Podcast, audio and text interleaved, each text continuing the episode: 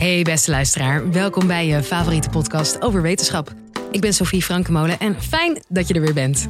Een hele dag een geluid horen dat er niet is. Dat kan gekmakend zijn. En veel Nederlanders hebben last van deze piep in hun oren, ook wel tinnitus genoemd. Wat is de oorzaak en waarom is er nog steeds geen oplossing? In dit college legt epidemioloog Inge Stegeman van het UMC Utrecht uit hoe dat zit. Dit is de Universiteit van Nederland.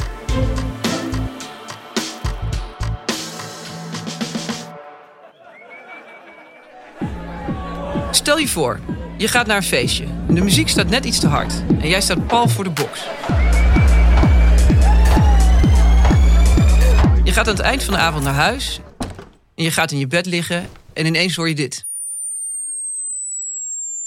Je staat de volgende ochtend op en je gaat naar school of naar je werk. En het gaat eigenlijk maar door. En als je s'avonds in je bed ligt, dan hoor je het nog steeds.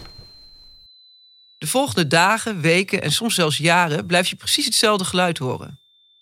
Dit is de realiteit voor mensen die met tinnitus moeten leven. Zij horen geluiden die er niet echt zijn. Ongeveer 33% van de Nederlanders heeft wel eens oorsuizen. En zo'n 10% van de mensen heeft er zoveel last van dat het hun dagelijks leven beïnvloedt.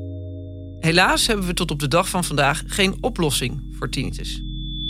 Ik ben epidemioloog op de KNO-afdeling van het UMC Utrecht. En dit houdt in dat ik naar heel veel verschillende data kijk van mensen met tinnitus...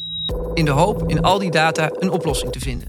Daarom zal ik je in dit college uitleggen hoe dit mogelijk is. En tegelijkertijd ook waarom kom je niet van die piep in je oor af. Oké, laten we bij het begin beginnen. Wat is tinnitus eigenlijk? Tinnitus wordt ook wel oorsuizen genoemd en is Latijn voor gerinkel. Het is een aandoening waardoor je geluiden hoort die er eigenlijk niet zijn. En deze geluiden kunnen variëren van een kleine zachte piep tot een ongelooflijk hard gekrijs. Niet iedereen die tinnitus heeft gaat ook meteen naar de huisarts of zoekt andere hulp. En dat is ook helemaal niet nodig. Want veel mensen met tinnitus hebben daar eigenlijk helemaal geen last van in hun dagelijks leven. Maar zodra de geluiden erger worden, kan het je leven ongelooflijk negatief beïnvloeden. Stel je maar eens voor dat je 24/7 dit geluid hoort. Hoewel gehoorschade de belangrijkste oorzaak van tinnitus is, kunnen er ontzettend veel verschillende soorten gezondheidsoorzaken zijn waardoor iemand tinnitus krijgt. Tinnitus kan bijvoorbeeld ontstaan door een val op het hoofd of door bijwerking van een medicatie. Maar dat iemand tinnitus heeft, dat betekent helemaal niet dat iemand er ook echt hinder van ondervindt. Het kan bijvoorbeeld zo zijn dat je al een langere tijd tinnitus hebt, maar er helemaal geen last van hebt. Maar dat je door bijvoorbeeld een andere aanleiding, zoals een periode van stress, het pas echt gaat merken. Tijdens de COVID-pandemie bijvoorbeeld kwamen er ineens meer tinnituspatiënten bij. Ze hadden misschien al langere tijd tinnitus, maar er kwamen pas echt klachten door de lange stiltes en misschien ook wel door de bijkomende stress van een lockdown. Maar soms is er eigenlijk helemaal geen duidelijke reden of aanleiding te vinden waarom iemand ineens last krijgt van tinnitus. Maar hoe krijg je precies vanuit gehoorschade tinnitus? Om te snappen waarom je dergelijke tinnitusgeluiden gaat horen, moet je eerst snappen hoe je überhaupt dingen hoort. Dat zit zo. Om geluiden te horen heb je je oren en je hersenen nodig. Stel je voor, je zit achter een piano en je speelt een lage noot. De geluidsgolven van deze noot bereiken je slakkenhuis via de gehoorgang. En deze heeft zijn naam te danken aan, en dat raadde je natuurlijk al, zijn slakkenhuizige vorm. Dit stukje van je oor meet constant hoe hoog of hoe laag een toon is. Boven in het slakkenhuis worden de hele lage geluiden geregistreerd en onderin de hele hoge. Het slakkenhuis stuurt deze informatie naar je brein en dan pas hoor je het geluid. Maar wat nou als ergens in dit proces een beschadiging optreedt? Er kunnen hier namelijk ongelooflijk veel dingen misgaan. Denk bijvoorbeeld aan gehoorverlies door het ouder worden, maar ook doordat je te dicht bij een box staat tijdens een feestje. Of dat je elke dag naar harde muziek luistert op je koptelefoon. Door zo'n beschadiging kan het geluid niet goed worden waargenomen in je oor en verandert de prikkel die wordt afgegeven naar het zenuwstelsel. Deze verstoring zorgt er uiteindelijk voor dat je hersenen gaan overcompenseren, juist in dat deel van de hersenen waar de geluidswaarneming plaatsvindt, met het horen van tinnitusgeluiden tot gevolg. Maar hoe hard moet geluid zijn om gehoorschade op te lopen? Volgens de Nederlandse wetgeving kun je een geluid van 80 decibel prima 8 uur lang verdragen zonder dat je gehoorschade oploopt. Maar zodra het aantal decibel met 3 stijgt, dus eigenlijk tot 83, halveert deze tijd al naar 4 uur. Een geluid van 110 decibel bijvoorbeeld, kun je eigenlijk maar 30 seconden aan voordat het gehoorschade kan veroorzaken. Je loopt dus gehoorschade op door te kijken naar hoe hard een geluid is in combinatie met hoe lang je het geluid hoort. Moet je nagaan hoe vervelend het is om de hele dag geluiden te horen die er eigenlijk niet zijn. Luister maar eens naar het verhaal van een tinnituspatiënt. Het heeft echt een veel groter effect op iemands leven dan je misschien denkt. Jan is nu 65, maar het begon bij hem al op zijn negentiende tijdens het werken in een houtzagerij. Het is dan nog wel een beetje ook in de beleving, net alsof je bij een goede band hebt gestaan en je komt thuis en je denkt, oei, dat was wel hard en dat piept en dat is dan de volgende dag weer weg. Maar dat is eigenlijk nooit meer echt weggegaan. Jarenlang kon Jan er vrij goed mee leven, totdat het gepiep in zijn hoofd ineens veel erger werd. Ik ben er zo mee vertrouwd dat het goed gaat, maar het reageert op alles. Het kan zo scherp en hard zijn als ik moe ben of, of te veel in geluid gezeten heb. En wat uh, gebeurt er dan in uw hoofd? Uh, een keiharde scherpe piep. Dus de vertrouwde piep wordt veel harder en scherper en indringender.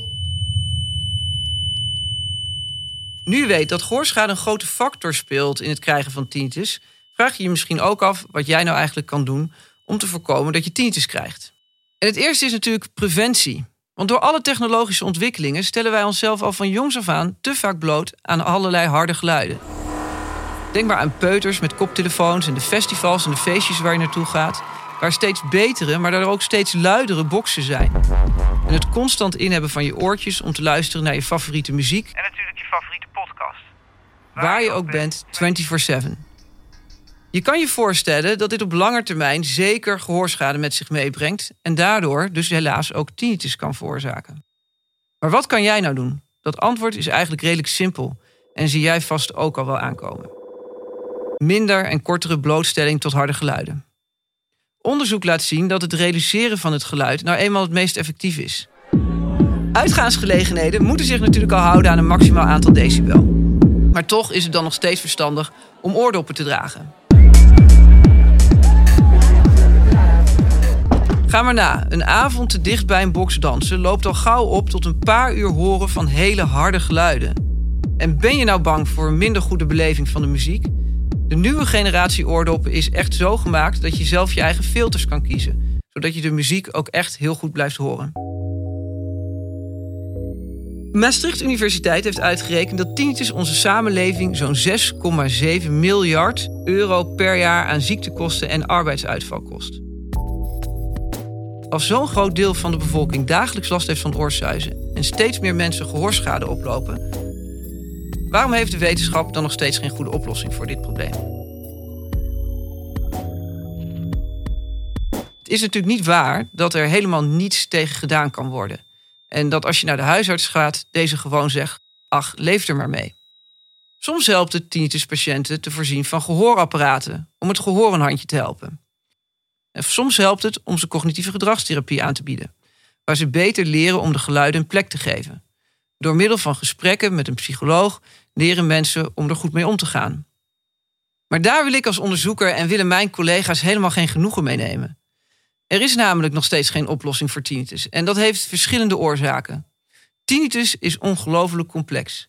Elk persoon met tinnitus is weer anders. Een andere oorzaak, een ander soort piep en andere gevolgen. Waar sommige mensen prima met het geluid in hun oor kunnen leven, is het voor anderen echt heel erg belemmerend. Omdat er zoveel verschillende soorten tinnitus zijn, is het belangrijk om daar eerst inzicht in te krijgen. En we doen daarom onderzoek naar de subgroepen van tinnitus en tinnituspatiënten. En daarna kunnen we voor die subgroepen ook echt specifieke behandelingen gaan ontwikkelen. Omdat er zoveel verschillen tussen de mensen zijn, is het belangrijk om ook echt heel veel data te verzamelen. Alleen dan kan je als epidemioloog mensen met elkaar vergelijken en groepen onderscheiden. Als we alleen onderzoek zouden doen naar tinnituspatiënten in Nederland, dan is dat gewoon niet voldoende. Want dan hebben we een te kleine groep. En dus daarom moeten we wereldwijd samenwerken. Maar dat samenwerken, dat is nog best lastig. Want iedereen heeft op een andere manier data verzameld. En de privacywetgeving in verschillende landen laat het ook echt niet altijd toe om zomaar data te delen. Deze uitdaging bestaat niet alleen in het tinnitusonderzoek. Er is een bredere uitdaging in de wetenschap. En daarom moeten we dit probleem ook niet alleen voor tinnitus oplossen. Wetenschappers over alle wetenschapsgebieden werken aan het transparanter en opener maken van de wetenschap. Een beweging die Open Science heet. Daarbij wordt ook het samenwerken tussen verschillende disciplines steeds belangrijker. Tinnitusonderzoek is eigenlijk altijd al multidisciplinair geweest. Dat wil zeggen dat veel verschillende vakgebieden nodig zijn om tot een betrouwbaar onderzoeksresultaat te komen. Zo heb je altijd een KNO-arts nodig, een audioloog, een neuroloog, een psycholoog, een psychiater, een epidemioloog, statistici, een fysiotherapeut. Nou, je snapt het eigenlijk wel. Een heleboel mensen. Om dit allemaal voor elkaar te krijgen, moet er dus worden samengewerkt. Nationaal, internationaal en ook tussen allerlei verschillende disciplines. En samenwerken in het onderzoek kan daardoor intensief en complex lijken. Maar dat hoeft het echt helemaal niet te zijn. Als we bijvoorbeeld vooraf samen gaan bepalen met onderzoekers, klinici en patiënten welke uitkomsten we belangrijk vinden en hoe we die meten, dan worden data veel makkelijker te vergelijken. En echt, dit is het waard. Want als we deze kleine stappen maken, dan kunnen we uiteindelijk behandelingen vinden die tinnituspatiënten ook echt kunnen helpen. Dus om terug te komen op de beginvraag van deze aflevering. Waarom kom je nou niet van die piep in je oor af? Tinnitus kan ongelooflijk vervelend zijn. En er zijn gelukkig al veel manieren ontwikkeld om er beter mee om te gaan. En ik zet graag nog een stap verder. Door opener en transparanter te werken en door het delen van data kan grootschalig wereldwijd onderzoek eindelijk meerdere goede behandelingen opleveren. Zodat die piep in jouw oor eindelijk eens voorgoed verdwijnt. Dat was Inge Stegeman. Heb je nou ook een vraag die je graag beantwoord wil hebben door de wetenschap? Spreek dan de Universiteit van Nederland hotline in. Je vindt het nummer in de beschrijving. Volgende keer hebben we het over seks en waarom we dat niet kunnen hebben met eikenbomen. Tot dan.